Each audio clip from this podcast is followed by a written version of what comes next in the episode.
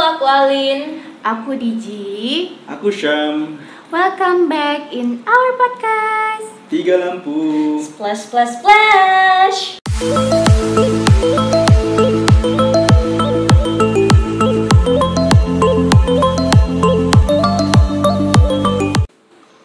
Halo sobat tiga lampu, balik lagi di episode 3 Kali ini di episode di episode 3 kita bakal bahas mengenai stres Ya, sama seperti episode-episode sebelumnya di sini kita akan ngobrolin dari sudut pandang psikologi dan sudut pandang Islam. Oke, langsung aja. Mungkin dari Diji Oke, jadi kalau uh, dari sudut pandang aku ya tentang stres. Stres itu sebagai reaksi dari organisme terhadap situasi yang membebani atau mengancam jiwanya. Stres itu uh, bisa berhubungan dengan lingkungan yang dianggap melampaui kemampuannya dalam uh, mem dan membahayakan kesejahteraannya. Lalu pengalaman emosional yang negatif itu juga bisa uh, apa namanya menjadikan dia sebagai dasar stres, pemicu stres seperti itu. Lalu stres sendiri itu dibagi menjadi dua jenis. Sepengetahuanku yang pertama adalah distress dan yang kedua adalah eustress. Yang pertama adalah distress. Distress ini uh, stres yang memberikan dampak buruk atau negatif yang memicu timbulnya stres. Lalu yang kedua ada eustress. Eustress sendiri adalah stres yang baik yang memberikan dampak positif bagi individu. Lalu selanjutnya itu pasti kalau kita mengenal stres itu kita kan juga pasti mengenal pemicu-pemicu stres. Ya. Ya kan? Kalau di pengalaman aku dan buku yang pernah aku baca eh, pemicu-pemicu stres atau stresor itu bisa menjadi bisa berupa sebuah pengalaman atau situasi yang penuh dengan tekanan yang di mana dia itu bisa menimbulkan stres. Contohnya adalah pekerjaan, eh, kebisingan, duka dan kehilangan, kemiskinan, ketidakberdayaan, status sosial yang rendah, eh, kekecewaan dan lain sebagainya. Kurang lebihnya seperti itu. Oke oke oke. Kalau dari dampak sendiri itu dampak dari stres itu apa aja sih? Kalau stresor atau hal-hal yang mau apa kayak em, membuat orang trigger menjadi stres itu bisa mempengaruhi individu tergantung kepada yang pertama itu eh, perbedaan fisiologis antar individu dalam sistem kardiovaskular, endokrin, kekebalan tubuh dan sistem tubuh yang lain. Yang kedua itu dari faktor psikologis ya, sikap, emosi, kepribadian, persepsi terhadap stresor dan bagaimana orang bertingkah laku atau uh, berespon terhadap stresor. Oke oke oke. Kurang lebih kalau eh, itu dari sudut pandang psikologi sendiri ya secara umum. Nah kalau dari sudut pandang Islam itu gimana sih Syam?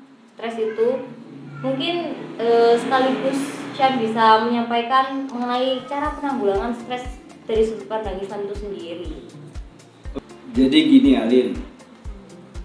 Kalau stres dalam sudut pandang Islam itu dinilai sebagai cobaan dari Allah Subhanahu wa taala yang mampu menyebabkan munculnya penyakit hati. Disebutkan dalam firman Allah surat Al-Baqarah ayat 155 yang berbunyi Bismillahirrahmanirrahim. Wala nabluwannakum bisyai'im minal khawfi wal ju'i wa naqsim minal amwali wal anfusi was thamarat wa basyiris sabirin. Yang artinya dan kami pasti akan menguji kamu dengan sedikit ketakutan, kelaparan, kekurangan harta, jiwa dan buah-buahan. Dan sampaikanlah kabar gembira kepada orang-orang yang sabar. Jadi dalam ayat ini dijelaskan bahwa stres itu merupakan ujian atau cobaan yang diberikan Allah kepada seorang hamba atau manusia agar dia bisa bersabar.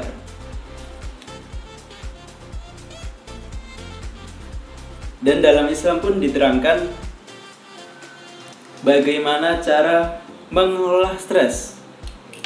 Yang pertama yaitu niat ikhlas.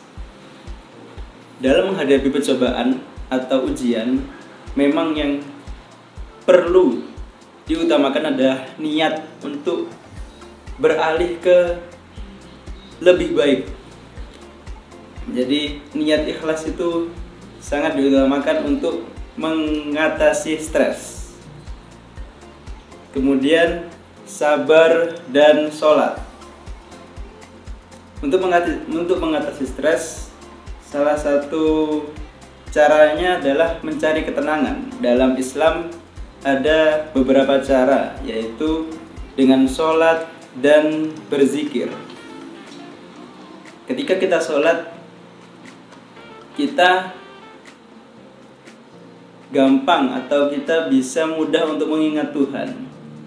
Maka ketika kita mengingat Tuhan, kita mengingat apa saja yang harus kita syukuri, apa saja yang harus kita ikhlaskan, dan membuat hati kita tenang. Dan yang terakhir adalah bersyukur dan berserah diri. Ketika kita berserah diri, maka hati kita akan tenang dan kita akan mencapai suatu kegembiraan seperti itu. Seperti itu, Alin. Ah, oke oke oke. Terima kasih banyak buat Syam yang sudah menyampaikan perihal stres dari sudut pandang Islam juga kiat-kiat untuk menangani stres itu sendiri. Eh, untuk sobat tiga lampu mungkin kalian yang sedang dalam kondisi stres saat ini semoga cepat diberikan kesembuhan untuk hatinya semoga cepat diberikan ketenangan Em, oleh karena itu mungkin ini aja yang kita sampaikan kali ini untuk sobat tiga lampu terima kasih sudah dengar podcast kita kali ini bareng aku Alin Aku Diji. Aku Syam. Sampai jumpa di episode kita selanjutnya. See you bye bye. Wassalam.